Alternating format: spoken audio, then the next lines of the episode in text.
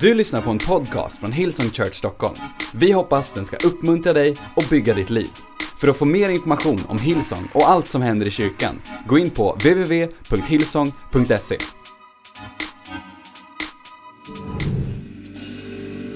Fantastiskt. Vi ska gå in i en tid av Guds ord och eh, min bön den här förmiddagen 11.00 det är att du ska få med dig någonting.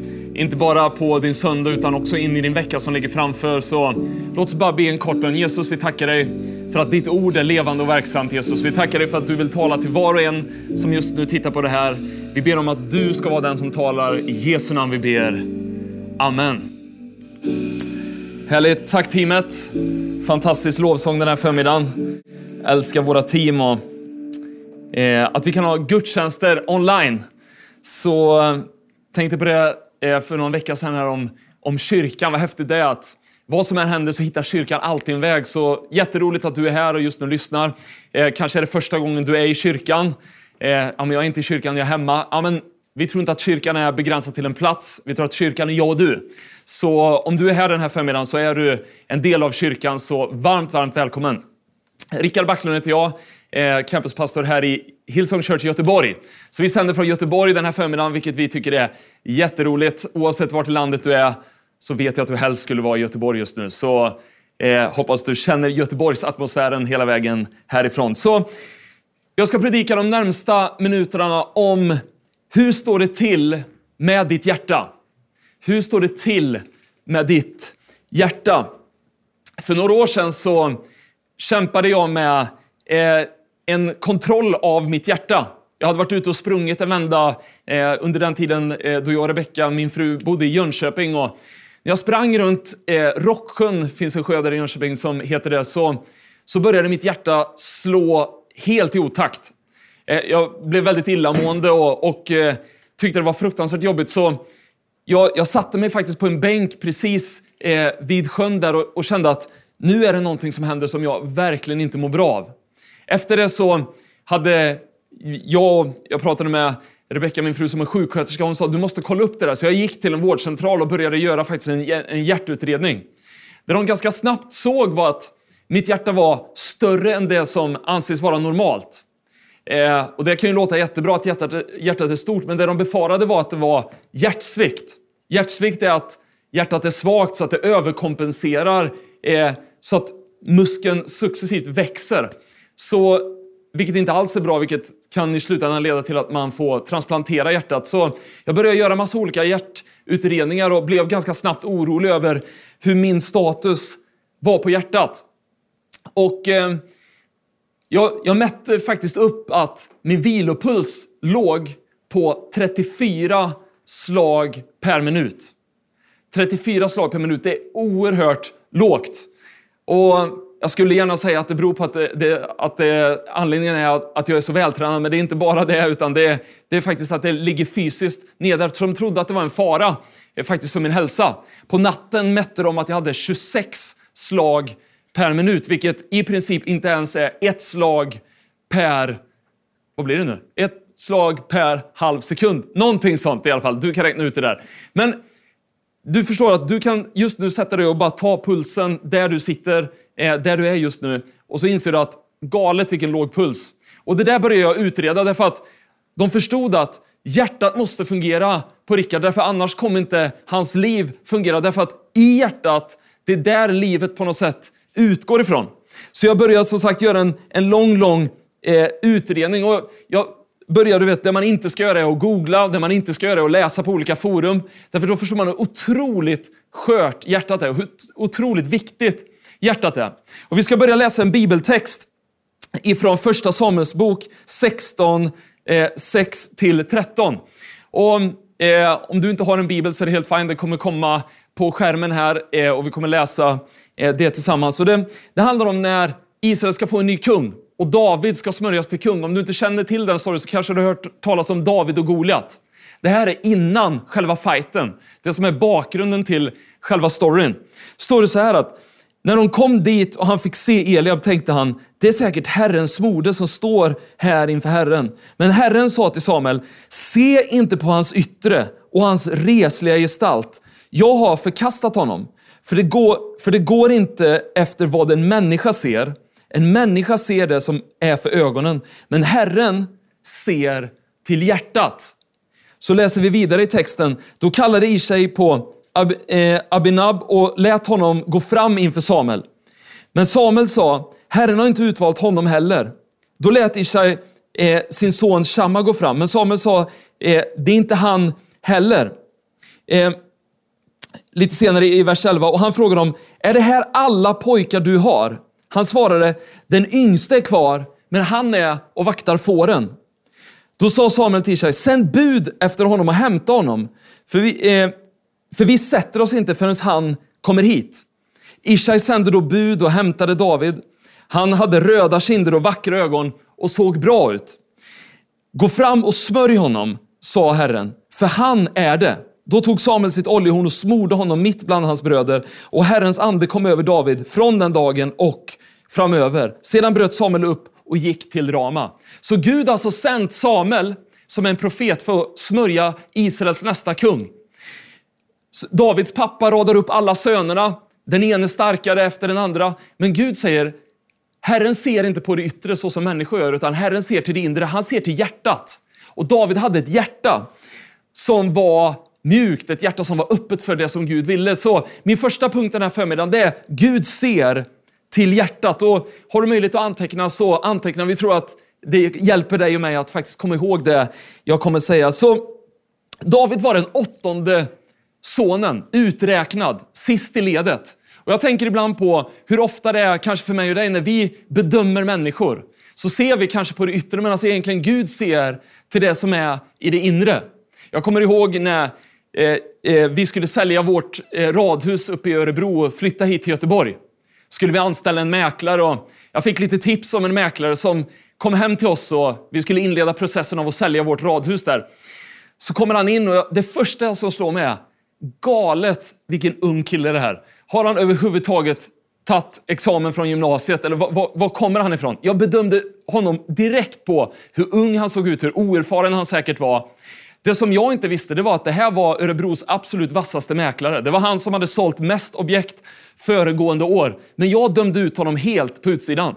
Så jag bara, dags att du sitter vid vårt köksbord. Jag ska ställa dig några kritiska frågor för jag ska ha bra betalt för mitt eh, radhus. Och jag började grilla han med lite frågor och han bara visade att han hade svar på svar på svar på svar. Det slutade med att han sålde det för mer än vad jag och Rebecka faktiskt hade förväntat oss att få för radhuset. Du vet, det är så lätt för oss att eh, liksom titta bort på det som eh, faktiskt spelar någon roll och bara bedöma människor på hur människor ser ut eller eh, människors yttre. Men alltså, det Gud säger, han ser till mitt och ditt inre. Så, du vet, jag älskar det med med Bibeln, att det talar så levande till oss. Det här är en text som är skriven för tusentals år, men den är så levande för oss än idag. Jag, jag tror du säkert känner igen dig i den här tiden som vi lever i, att det är otroligt mycket yta. Det handlar om att se bra ut, att framställa sig bättre än vad man är. Att när man visar upp sin familj så ser man till att städa undan allting innan gästerna kommer därför att vi vill inte ge ett intryck av att det är stökigt eller att vi inte har ordning på vårt liv, utan vi vill hela tiden visa upp vår bästa sida. Jag tror att det är farligt att leva i ett sånt samhälle, därför att det är inte vårt riktiga liv. Du kanske lyssnar till mig nu den här förmiddagen och tänker att så där är det i mångt och mycket i mitt liv. Det är mycket i mitt liv som jag inte egentligen skulle vilja visa för någon. Men då vill jag bara säga till dig att Gud, han är inte intresserad av dina masker. Han är inte intresserad av din utsida. Han ser till din insida. Och oavsett vart du är och lyssnar på det här eller ser på det här så vill jag bara säga att Gud ser dig. Inte på ett läskigt, inte på ett, eh, liksom ett kontrollerande sätt, utan på ett kärleksfullt sätt. Han vet vem du är. Han vet vad du behöver. Så han ser till hjärtat. Det andra jag vill prata om, min andra punkt, är att livet utgår ifrån hjärtat. Det står så här i Ordspråksboken eh, i kapitel 4 och 23. Men mer än allt som ska bevaras, bevara ditt hjärta, ty därifrån utgår livet. Så inte nog med att hjärtat är viktigt för att kroppen ska funka, utan Bibeln pratar om att utifrån hjärtat så utgår livet. Vi kan prata om ett fysiskt hjärta, själva muskeln, kött och blod, men hjärtat i Bibeln står för hela vår insida.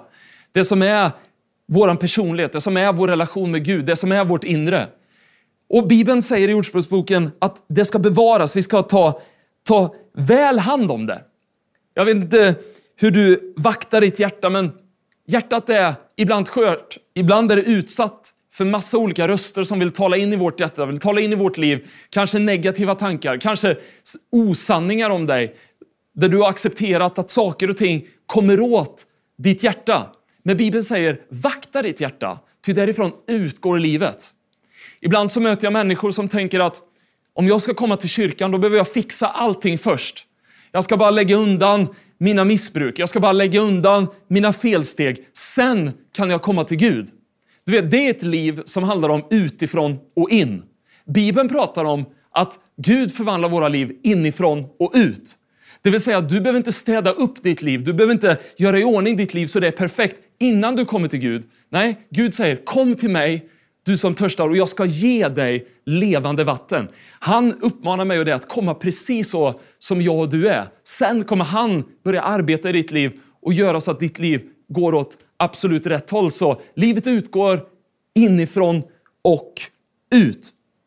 Det finns också en anledning varför Bibeln säger att du ska vakta ditt hjärta. Jag möter alldeles för mycket människor som på något eller annat sätt tillåter olika saker och ting att komma åt deras liv. Helt plötsligt har de accepterat saker som inte alls är sanna, som inte alls stämmer, som inte alls har med deras liv att göra. Men de har tagit in det därför att de har hört det alldeles för många gånger. Och jag vet att ofta så är det så drömmar dör. Ofta är det så visioner slaktas. Ofta är det så framtid stryks därför att människor talar ner våra liv. Jag minns när vi hade förmånen att få starta Hillsong uppe i Örebro. Så sa de, eh, så fick jag höra massa gånger att det går inte att starta ett campus i Örebro därför att här försvinner alla församlingsplanteringar. De dör åt både höger och vänster. Du vet, jag bara fick höra det från så olika många personer. Och då, vill, då ska jag säga det, då, då fick jag höra det mest ifrån de som kanske redan var troende.